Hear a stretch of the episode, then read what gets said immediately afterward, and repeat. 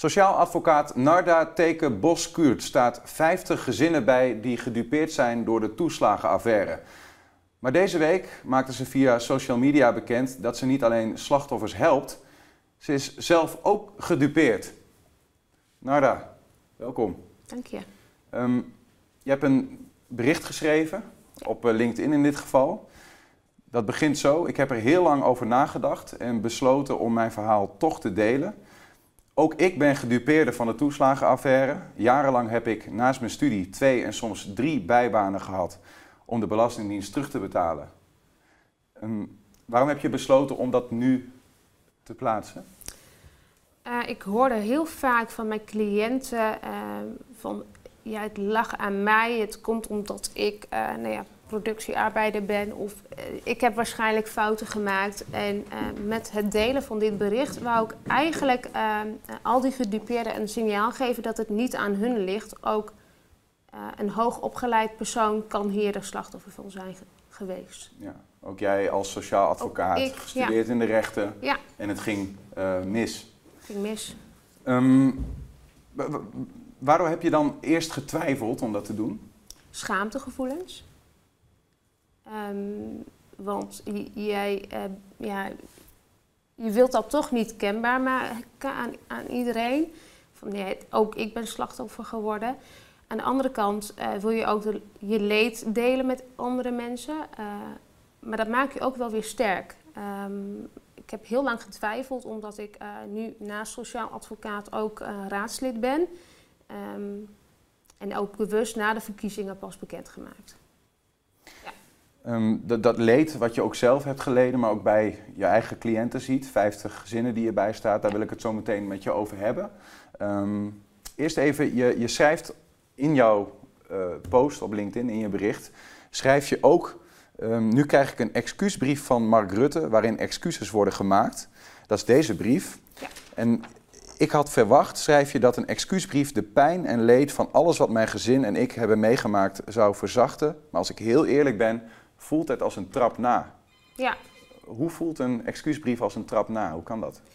De formulering uh, van de brief um, staat: U bent geen fraudeur.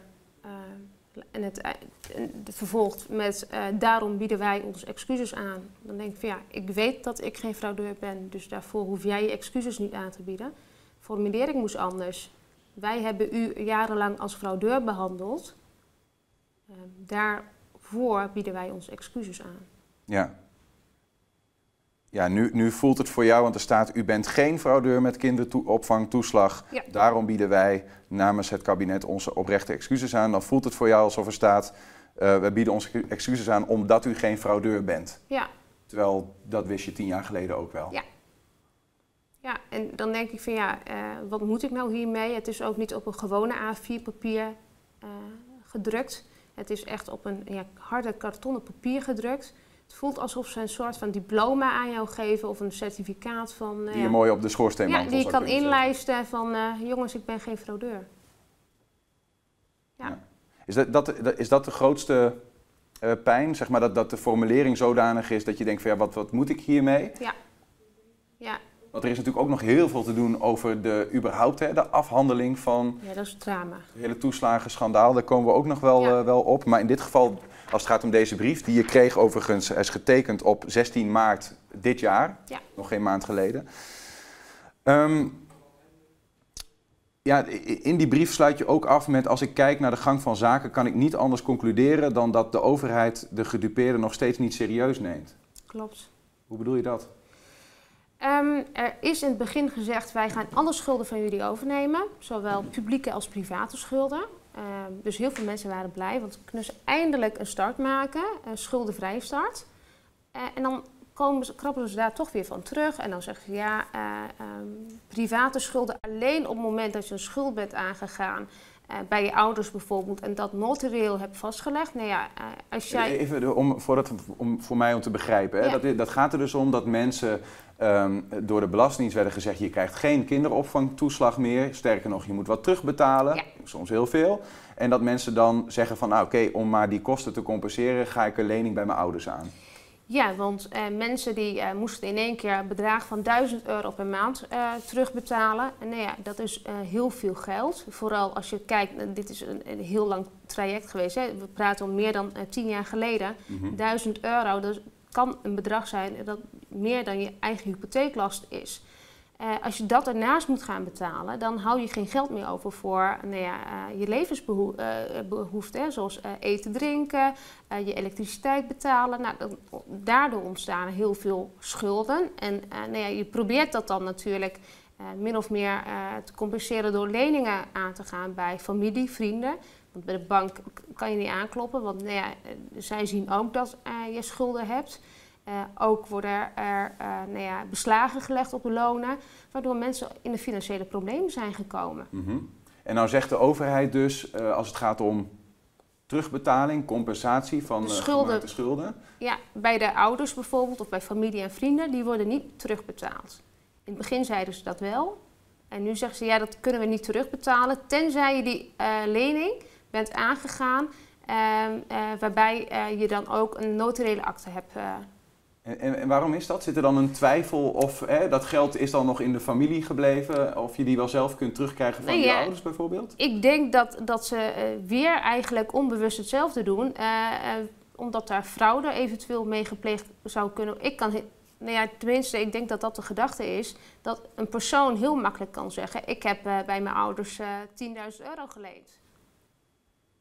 En hoe ga je dat dan bewijzen? Ehm, nou ja, heel veel mensen hebben dat via de bank gedaan. Dus op dat punt heb je wel genoeg bewijsmateriaal dat je dat hebt ontvangen. Maar toch uh, krabbelt het kabinet terug, de ja. overheid. En dat, dat is opnieuw eigenlijk wat er ooit misging, namelijk uitgaan van wantrouwen. Ja, dat gebeurt nu weer. Ja. Dan moet ik even laten landen als je dat. Uh...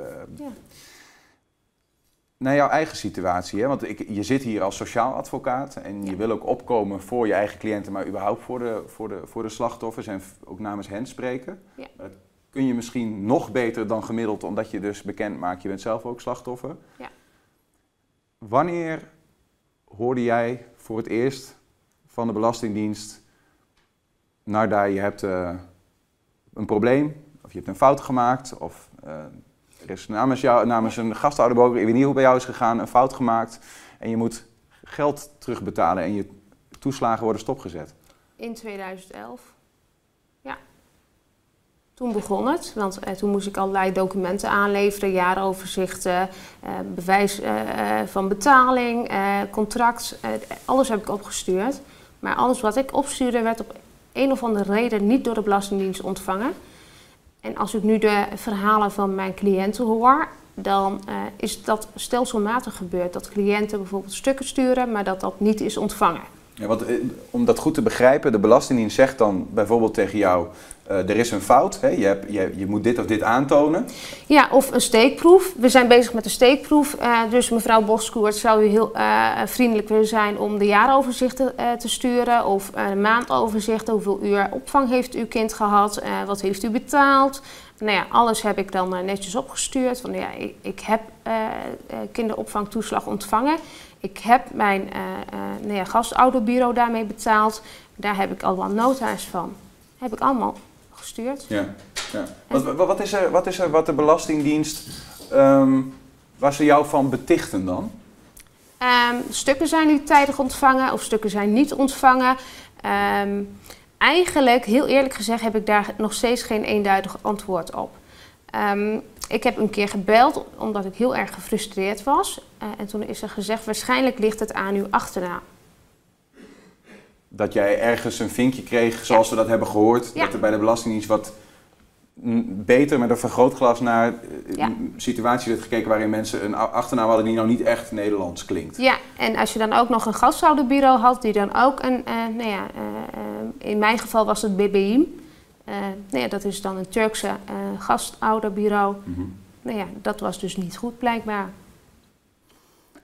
Kun je proberen uit te leggen hoe, hoe werkt dat eigenlijk? Als je een gastouderbureau in de hand neemt, jij had een baan en je, je kinderen hadden opvang nodig. Ik studeerde. Je, oh, je studeerde nog, ja? ja? dus ik, uh, mijn kinderen die hadden op, opvang nodig.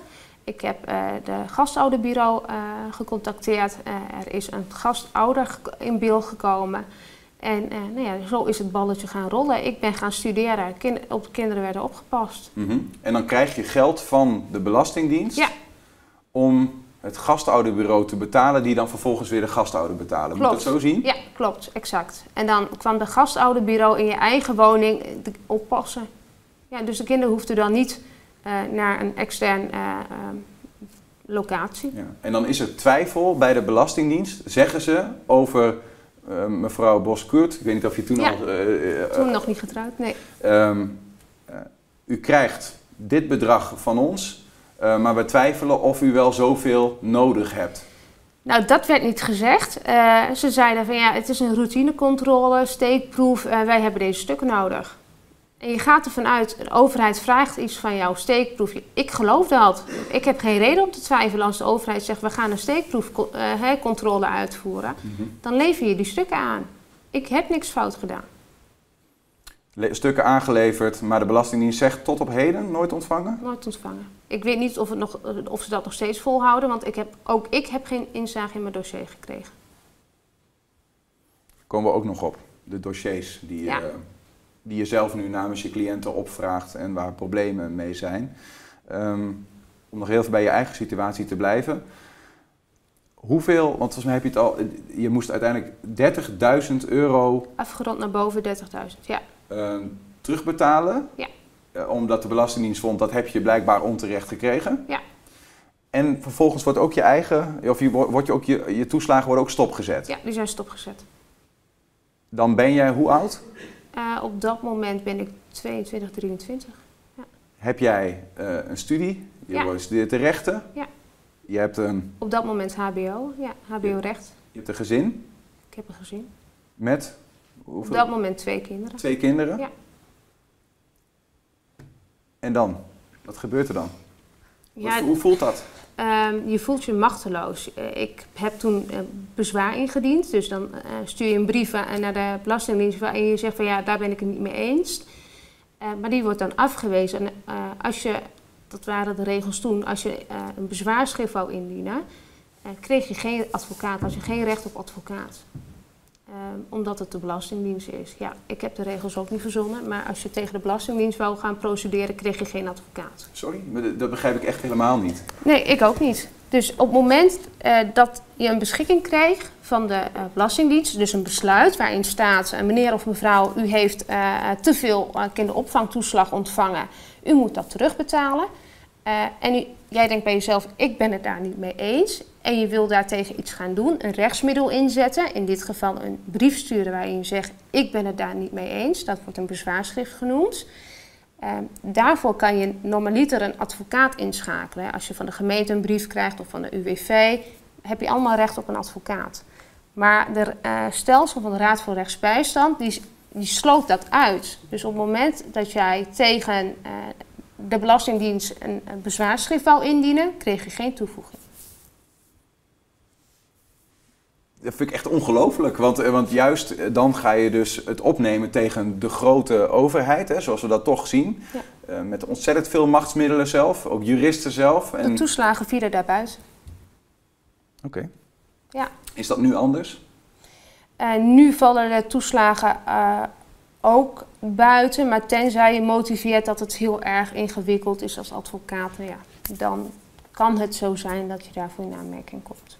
Hoe, hoe ziet je leven er eh, vanaf dat moment uit? 22, moet 30.000 euro terugbetalen, gezin, twee kinderen, studie. Huurachterstand, eh, energierekeningen niet kunnen betalen. Ik heb zelfs e-mails teruggevonden van eh, mijn hogeschool waarin ze zeggen van ja, als je deze maand je collegegeld niet hebt betaald, dan gaan we je uitschrijven. Dus het was vrij heftig, ja. Stressvol. Ja. Ja. Hoe ga je daarmee om? Je probeert aan geld te komen door te werken. Dus ik heb heel hard gewerkt. Ik heb eh, een tijdje bij de Jumbo gewerkt, eh, en bij een incassobureau, ehm, eh, naast mijn studie. Ehm, en alles wat ik kreeg, ging meteen op naar schulden. Ja. Ik heb wel heel veel steun aan mijn familie gehad natuurlijk. Dat moet ik ook, eh, ja, ook zeggen. Mhm. Boodschappen hoefde ik, me geen, hoefde ik me niet druk om te maken. Of oppas. Je durft ook geen eh, kinderopvangtoeslag meer aan te vragen. Dus eh, heel veel beroep op mijn ouders gedaan. Ja, want ik, ik lees ook in, in, die, in dat bericht wat je deelde op uh, sociale media. Ik heb veel moeten missen van mijn kinderen, omdat ik steeds aan het werk was. En de tijd die ik overhield, ging op aan mijn studie. Ja. Ja. Ik maakte toen ook wel grapjes. Je maakt jezelf een beetje belachelijk. Ik zei soms ook wel, ik ben part-time mama. En dat had je liever anders gezien? Ja. Maar rechten lijkt me sowieso al een studie waar je wat tijd aan kwijt bent. Nou ja, als ik keek naar mijn klasgenoten, die gingen na college meteen de UB in en die studeerden. En de universiteitsbibliotheek? Ja, en ik uh, ging uh, aan het werk. Ik ben niet cum laude afgestudeerd daardoor, maar ik heb het wel gehaald. Ja. ja. Had het gekund?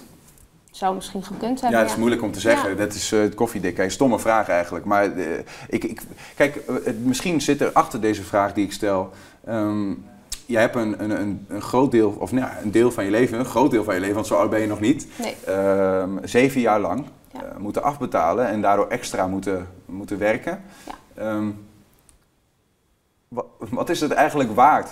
Wat, wat, is, wat, wat zijn jouw daadwerkelijk, want je moet 30.000 euro terugbetalen. Um, dat is een financiële schuld. Ja. Wat is de echte schuld eigenlijk, waarmee je achterblijft? Je gaat heel erg twijfelen aan jezelf. Heb ik als de Belastingdienst zegt dat je het fout hebt gedaan, dan heb je het fout gedaan. Um, dus ja, in het begin ga je jezelf ook heel erg beschuldigen en je gaat nadenken, wat, wat heb ik nou gedaan? Waardoor, waarom moet ik nou dit terug? Blijkbaar heb ik het dus echt verkeerd gedaan, want je vertrouwt de overheid. Want de overheid zegt dat iets niet klopt, maar dat iets, dat is me nooit bekend geworden. Ja. Um, ja, wat is me echt... Ja, misschien, misschien stel ik hem verkeerd hoor. Misschien bedoel ik ook, uh, wat is je daadwerkelijke... Wat verwacht je eigenlijk van de overheid terug? Want je, je, wil, die, je wil eigenlijk die 30.000 euro terug, neem ik aan. Want je hebt je moeten uh, terugbetalen terwijl, die, terwijl je er gewoon recht op had. Ja. Maar je had ook recht op een gezinsleven. Ja. Uh, wat je is afgepakt daardoor. Ja. in ieder geval op de manier zoals je dat gewild. Ja. Hoe kunnen ze dat ooit compenseren? Niet, niet dat kunnen ze niet compenseren. Nee, dat, daar, is, daar staat niks tegenover. Ik kan me een miljoen aanbieden, maar daarmee krijg ik mijn tijd niet meer terug. Het gaat ook niet om, om het bedrag die je krijgt. Het gaat om de erkenning. Eh, en er wordt gezegd, we gaan het allemaal netjes oplossen. Uh, gedupeerden worden geholpen. Uh, ja, ze hoeven geen kosten te maken voor een advocaat. Ze krijgen ook nog een advocaat erbij. Prima, advocaat gaat jou helpen. Maar op het moment dat je een advocaat hebt die dan vervolgens niks voor jou kan doen... je krijgt nog steeds geen inzage in je dossier... Ja. Dat is op zijn minst wat ze kunnen doen. Ja, dat maak je zelf mee uh, om, om maar daar naartoe te gaan. Ja. Je levert zelf ook bijstand. Ja. 50 cliënten. Um, dat doe je als uh, sociaal advocaat. Nou weet ik één ding van sociaal advocaten. Van het land der advocaten is het niet de best betaalde baan ever. Nee. Uh, het is vooral ook een heel maatschappelijk ding. Je doet het met hart voor mensen. Ja. Want je levert mensen bijstand die dat eigenlijk niet kunnen betalen. Ja. Um, en wordt vaak betaald door de overheid volgens mij. Ja. Onderbetaald. Onderbetaald. Ja. Um, jouw voorganger Petra Gerritsen hier in Enschede, ook sociaal advocaat, stopte ja. om die reden min of meer. Klopt. Niet meer voor elkaar. Nee. Waarom ben jij, ik zou bijna zeggen in Godusnaam, sociaal advocaat geworden?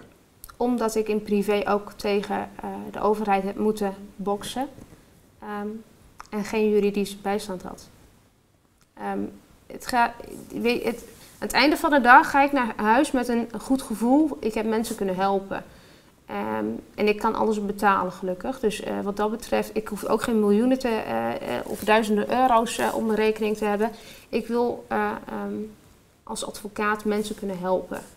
Um, inkomen is zo belangrijk in iemands leven. Of als je een groot overheid tegenover je hebt die alsmaar geen gehoor geeft aan jouw vragen of aan jouw bezwaren. Ja, dan heb je iemand nodig die daar iets van af weet. Dus je, je hebt eigenlijk, je had jezelf nodig gehad in de tijd ja. uh, dat je zelf door de mangel werd gehaald door de overheid. Ja. Um, 50 gezinnen, zijn hun verhalen allemaal hetzelfde? Um, ik, ik kan zeggen dat het veel erger, uh, dat ik er goed ben afgekomen. Uh, als ik allemaal kijk wat mensen hebben moeten doormaken. Uh, complete bedrijven uh, um, failliet verklaard, huizen verkocht, beslag gelegd op huizen, maar veel erger kinderen uit huis geplaatst. Ook de, die zitten erbij bij jouw ja. cliënten? Ja. Want het zijn er, eh, eh, correct me if I'm wrong, zo nu bekend zo'n ruim duizend geloof ik, Wordt gezegd. eh, wordt gezegd. Ja. Daar twijfel je aan. Ja. Hoeveel, want van jouw 50, eh, ja ik weet niet of ik nou op Nee, gebied dat- kom. Nee, Oké, dat, dat- dat ga ik niet vertellen. Maar er, zijn cliënten waarbij eh, echt kinderen uit huis zijn geplaatst. Ja, ja. Ehm, en, en wat is de situatie met die gezinnen op dit moment? Geen dossier, geen informatie. Gezinnen wel terug in huis inmiddels? Ook niet? Nee. Zijn het gezinnen waarvan jij zegt, ehm, het was goed dat die kinderen op dat moment uit huis werden gezet? Nee. Omdat? Die mensen die hebben meerdere eh, kinderen daarna gekregen. Die kinderen die zijn op dit moment ook bij die gezinnen. En ze is goed verzorgd. Geen problemen. Nee, want eh, de- dat is gebeurd omdat er werd gezegd, financiële situatie niet op orde, Onder andere, ja. maar de zorg voor de kinderen was eh, net zo groot als daarvoor. Eh, Geen problemen. Geen problemen. En toch is het gebeurd. Toch is het gebeurd, ja.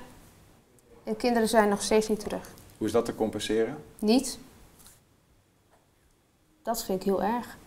Je kan nu een kind die al tien jaar uit huis is, en bijna meerderjarig is, kan je nu niet eh, weer even terug, eh, terug eh, bij het gezin plaatsen. Wat kun je voor hen doen als sociaal advocaat? En niet alleen voor die gezinnen, maar ook voor jouw andere cliënten die eh, ook vechten. financieel getroffen zijn. Blijven vechten eh, en geen genoegen nemen van dit is het eh, en eh, het dossier krijg je over een jaar. En dan ga ik in bezwaar. Ja. Maar waar vecht je dan voor? Rechtvaardigheid. Wanneer is er rechtvaardigheid? Als alles boven tafel komt. Wat, bedoel je daar concreet mee? ondersysteem moet bovenkomen. Mensen hebben op zijn minst recht om te weten waarom ze eh gedupeerder zijn geworden. Waarom de overheid heeft gedaan zoals ze heeft gedaan. Ehm, en met compenseren bedoel ik niet financieel. Hè. De, mensen moeten, wat mij betreft, moet daar misschien ook een strafrechtelijk onderzoek naar komen. Ehm, ik- net wat je zegt, er zijn gezinnen gewoon compleet kapot gemaakt. Hè? De kinderen uit huis plaatsen, dat is heel heftig. Ik wil er niet aan denken dat mijn kinderen uit huis worden geplaatst. Ook als de mensen die daarvoor verantwoordelijk zijn fouten hebben gemaakt, maar dat ze ja, dat niet altijd, hoe zeg ik dat goed, Ehm, met een soort van bewuste oogmerk hebben gedaan. Er zijn, sommige dingen zijn bewust gedaan. Omdat, Ehm, etnisch profileren bijvoorbeeld. Eh, er zijn algoritmes gebruikt. Ehm, en bewust etnisch geprofileerd. en dat, dat zijn fouten last- die, waar een straf tegenover zou moeten staan. Wat jou Wat mij betreft. wel, want in de wet staat duidelijk eh, discriminatie op eh, geen enkel grond is toegestaan. Om te begrijpen wat er fout gaat, in je eigen geval, maar ook in het geval van jouw 50 cliënten, 50 gezinnen die je bijstaat, heb je eh, dossiers nodig. Ja. Je schrijft in jouw eh, post, in het bericht waar ik eerder ook al naar refereerde, ook: ehm, Ik ben vanaf januari 2021 ehm, bezig om dossiers van mijn cliënten op te vragen bij de Belastingdienst. Tot op heden, 15 maanden verder, heb ik geen één dossier compleet mogen ontvangen.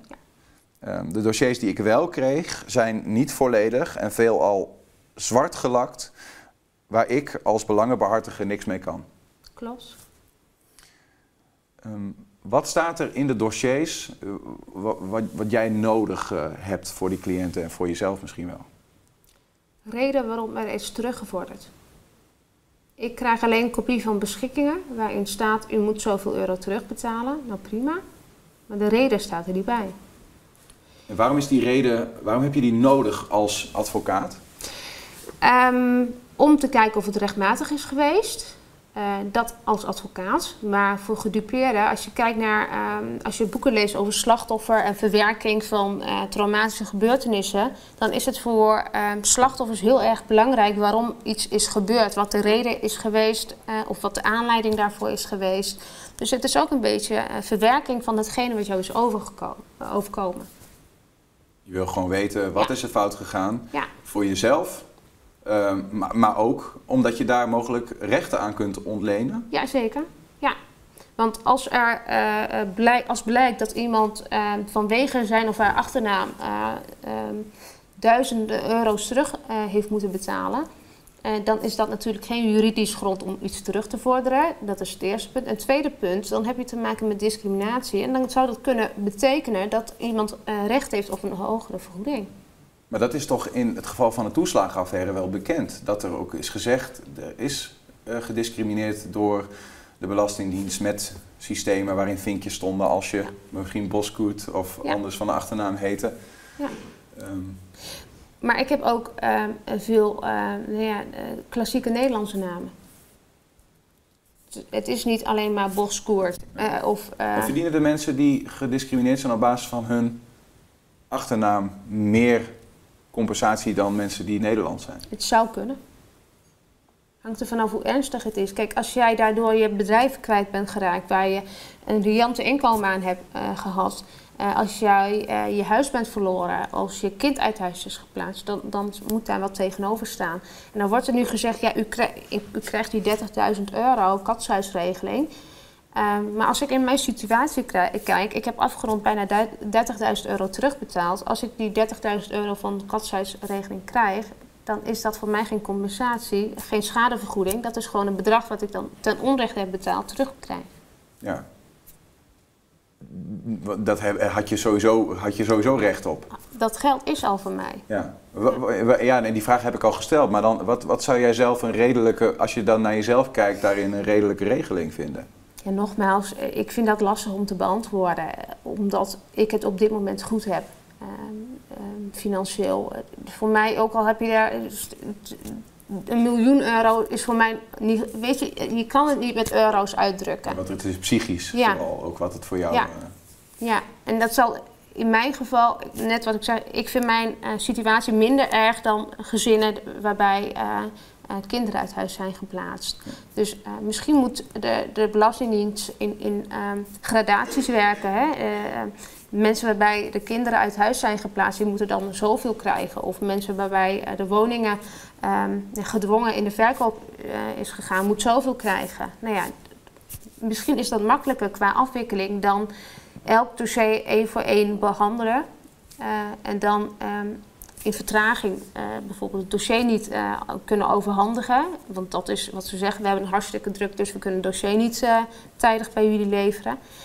Dan denk ik van ja, dan vraag je er ook om, om, dat mensen in bezwaar gaan. Want je neemt een besluit die een advocaat niet kan toetsen op rechtmatigheid. Ja. En dan zijn we jaren verder, dan zijn we er nog niet. Nee. Om, om nog even die stap terug te maken naar dat dossier. Hè? Je vraagt uh, van jezelf mogelijk. Ik weet niet of mogelijk zou jouw eigen advocaat dat weer doen, dat weet ik niet. Maar je vraagt van je. Doe je dat voor jezelf? Nee, ik doe het niet voor mezelf. Niet voor jezelf. Nee. Maar je hebt 50 cliënten, daarvan vraag je de dossiers op om dus te kunnen bepalen wat is er gebeurd voor hun eigen recht, uh, maar ook voor hun gevoel. Mm -hmm. um, dan krijg je pakketten terug, en we zien dat meer, uh, met hoeveel hoe procent zwartgelakte teksten? Ik vind het moeilijk om het uh, in procenten uh, uit te drukken. Maar uh, namen van, van ambtenaren worden weggelakt. soms echt passages zijn weggelakt. Waarom worden die weggelakt? AVG. Privacy. Privacy van, van die mensen, die ambtenaren. En dat vind ik heel frappant, want de privacy van mijn cliënten en ook van mij, daar is jarenlang geen rekening mee gehouden. Ja. Maar waarom heb je de naam van een mogelijke ambtenaar bij de Belastingdienst nodig om te weten wat er gebeurd is? Um, als het veelvuldig dezelfde persoon is geweest, dan zou je misschien uh, kunnen overwegen om, om, uh, nou ja, uh, om daar in gesprek over te gaan. Mm -hmm. Om mogelijk tot uh, procedures over te gaan. Zou kunnen, maar dat is niet uh, de intentie natuurlijk. Je wil uh, weten wat er in je dossier is gebeurd. Ik procedeer ook tegen het UWV of tegen een gemeente. En daar krijg ik ook complete dossiers. Daar worden de namen van de ambtenaar niet weggelakt. Um, en als je weglakt, de, de gedupeerden die hebben al een argwaan tegenover de overheid. en als je dingen weglakt, dan gaat dat alleen, wordt het alleen maar erger. Van waarom lak je nou dingen weg in mijn dossier? En ik heb daar gewoon recht op. Kun je, want je zegt al, het zijn uh, namen, uh, het is privacy technisch. Maar er zijn, vaker, uh, er zijn nog andere redenen waarom um, delen van dossiers of WOP-verzoeken, zoals ze ja. gedaan worden, zwartgelakt kunnen zijn, toch? Ja, als ze bijvoorbeeld een persoonlijke opmerking maken over iemand zou, zou dat ook weggelakt kunnen worden. Dus SEC gezien houdt dat dan geen verband met het besluit dat er ligt. Ja. Maar dan uh, lakken ze dat wel weg omdat er een opmerking is gemaakt over bijvoorbeeld een cliënt van mij. Maar die zou je dus graag willen zien? Ja. Wat is er gezegd? Ja, ik noem maar wat. Als daar bijvoorbeeld uh, die Turk of die Marokkaan staat, dan wil ik dat graag zien. Ja. Wat is het, het, het um, uh, nee, wat, wat is het grootste probleem, zeg maar, dat die, dat die dossiers dus, zeg maar, uh, niet he helemaal uh, zichtbaar zijn? Um, wat, wat is het grootste probleem daarmee? Ik kan het mijn cliënten niet uitleggen op het moment dat de Belastingdienst dossier heeft afgehandeld van een gedupeerde en een besluit op basis van dat dossier heeft genomen. Ik kan mijn cliënt niet uitleggen waarom de Belastingdienst tot die beslissing is gekomen, omdat ik. Want het staat ook niet in het niet zwartgelakte gedeelte, om het zo nee. te zeggen. Nee, want um, ik, ik, noem maar wat. Die, um, als je je aanmeldt bij als gedupeerde, dan bestaat er verschillende fases. De eerste fase is dat ze gaan kijken, dat is de lichte toets, of jij uh, uh, als gedupeerde kan worden aangemerkt. Dat, dat is dan heel licht wordt gekeken van, is deze persoon gedupeerde? Vervolgens ga je door naar de integrale beoordeling en dan uh, neemt de Belastingdienst een definitieve beslissing over wel of geen gedupeerde. En zo ja, hoeveel euro's krijg je dan? En dan krijg ik een beschikking waarin staat, nou ja, mevrouw uh, Teken dit is het besluit. En dan denk ik van ja, prima, mag ik het dossier nu zien? Wat is een beschikking? Wat, wat, dat is een besluit. Een besluit van de Belastingdienst waarin staat, je krijgt zoveel terug. Inderdaad. En op het moment dat ik die uh, besluit dus krijg, beschikking, wil ik ook het dossier zien. Want ik wil toetsen of die beslissing op de juiste gronden zijn genomen. Als er staat, je krijgt 10.000 euro terug, maar je wil je weten, is dat, het, is dat terecht is dat of moet dat meer zijn? Ja, ik moet dat toetsen. Dat is mijn taak als belangenbehartiger. Ja. Maar ik krijg dat dossier niet. Er wordt gezegd, ja, het kan wel een jaar duren voordat je dat dossier krijgt. Maar vervol in, in de uh, AVB, uh, de Algemene Wet Bestuursrecht, st staat dat je daar zes weken de tijd voor hebt om in bezwaar te gaan. Dus dan heb je zes weken de tijd om in bezwaar te gaan, maar je krijgt het dossier pas over een jaar. Dus de Belastingdienst vraagt eigenlijk zelf om problemen. Want dat is een onmogelijkheid, toch? Ja, dus iedereen gaat, alle advocaten die ik ken, gaan standaard in bezwaar. Want als je dat niet doet, heb je een beroepsfout te pakken. Ja. En dan kun je een jaar later weet je ja. waarom je in bezwaar ging, zeg maar. Ja. Ja. Maar, dan nog krijg je dus het dossier, maar met zwartgelakte tekst. Of worden ze dan, komt dan de informatie vrij? Zover ben ik nog niet, omdat ik nog steeds geen dossier heb. Nee, voor jezelf? Of voor, voor mezelf, maar ook voor mijn cliënten. Ja, maar je, want begrijp ik dat, want je hebt de, je hebt de dossiers uh, soms wel, of, maar dan zwartgelakt, of heb je ze überhaupt nog nou, niet helemaal compleet? Dus? dus ze hebben een hersteldossier, noemen ze dat. Um, uh, en ze hebben een uh, toeslagendossier. Dus het hersteldossier is echt heel minimaal. Uh, en een toeslagendossier, dat is het complete dossier. Dus ja. en beide dossiers, daar moet je heel lang op wachten. Kortom, je hebt uh, 50 cliënten, gezinnen die je bijstaat. Ja. Um, hen is allemaal um, onrecht aangedaan, bewezen. Um, zij worden door de Belastingdienst verteld. u krijgt zoveel geld terug omdat u onrecht is aangedaan. Uh, maar je kunt eigenlijk van al die 50 gezinnen niet vaststellen: uh, is, dat, is dat een terecht bedrag? Moet dat meer zijn? En dat dossier op basis waarvan je dat kunt, zou kunnen vaststellen, krijg je pas over wanneer? Ze zeggen dat het nu uh, 9 maanden tot een jaar duurt. Maar ik heb het eerste dossier 15 maanden geleden aangevraagd, dus ik heb nog steeds niks. Dus op een gegeven moment geloof je het als advocaat zijn ook niet meer uh, van klopt dit nou wel of niet. Ja. Um, ik, heb, ik ben nu in een aantal zaken heb ik beroep aangetekend bij de rechtbank voor niet tijdig beslissen.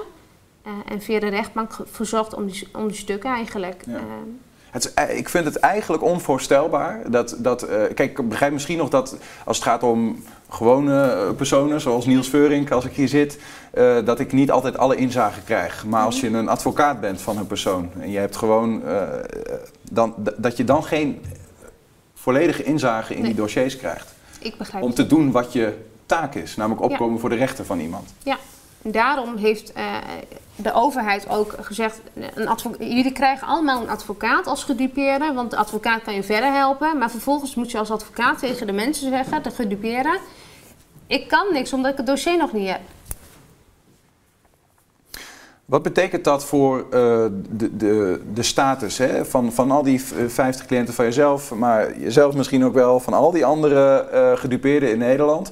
Um, wat ik ervan weet is de laatste status dat er aan iedereen uh, 30.000 euro zou worden overgemaakt, zonder vragen. En dat er daarna zou worden gekeken, heb je recht of meer of minder. Maar ik weet niet zeker of ik dat goed heb. Nee, want uh, je moet eerst door die lichte toets komen. Als je door de lichte toets bent gekomen, dan pas uh, word je erkend als gedupeerd en dan wordt die 30.000 euro overgemaakt. Oké. Okay. Ja. En dat is voor sommigen niet genoeg? Nee. Nee, en dan moet je wachten op een integrale beoordeling. Eh, als de integrale beoordeling is geweest, dan pas kan je naar de commissie werkelijke schade.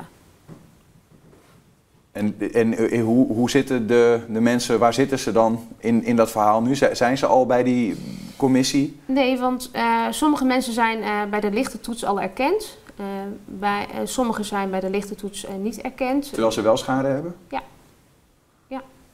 Dus, die komen niet eens door de lichte toets? Nee, dus dan moeten ze wachten op een integrale beoordeling. En de integrale beoordeling kan soms een jaar op zich wachten.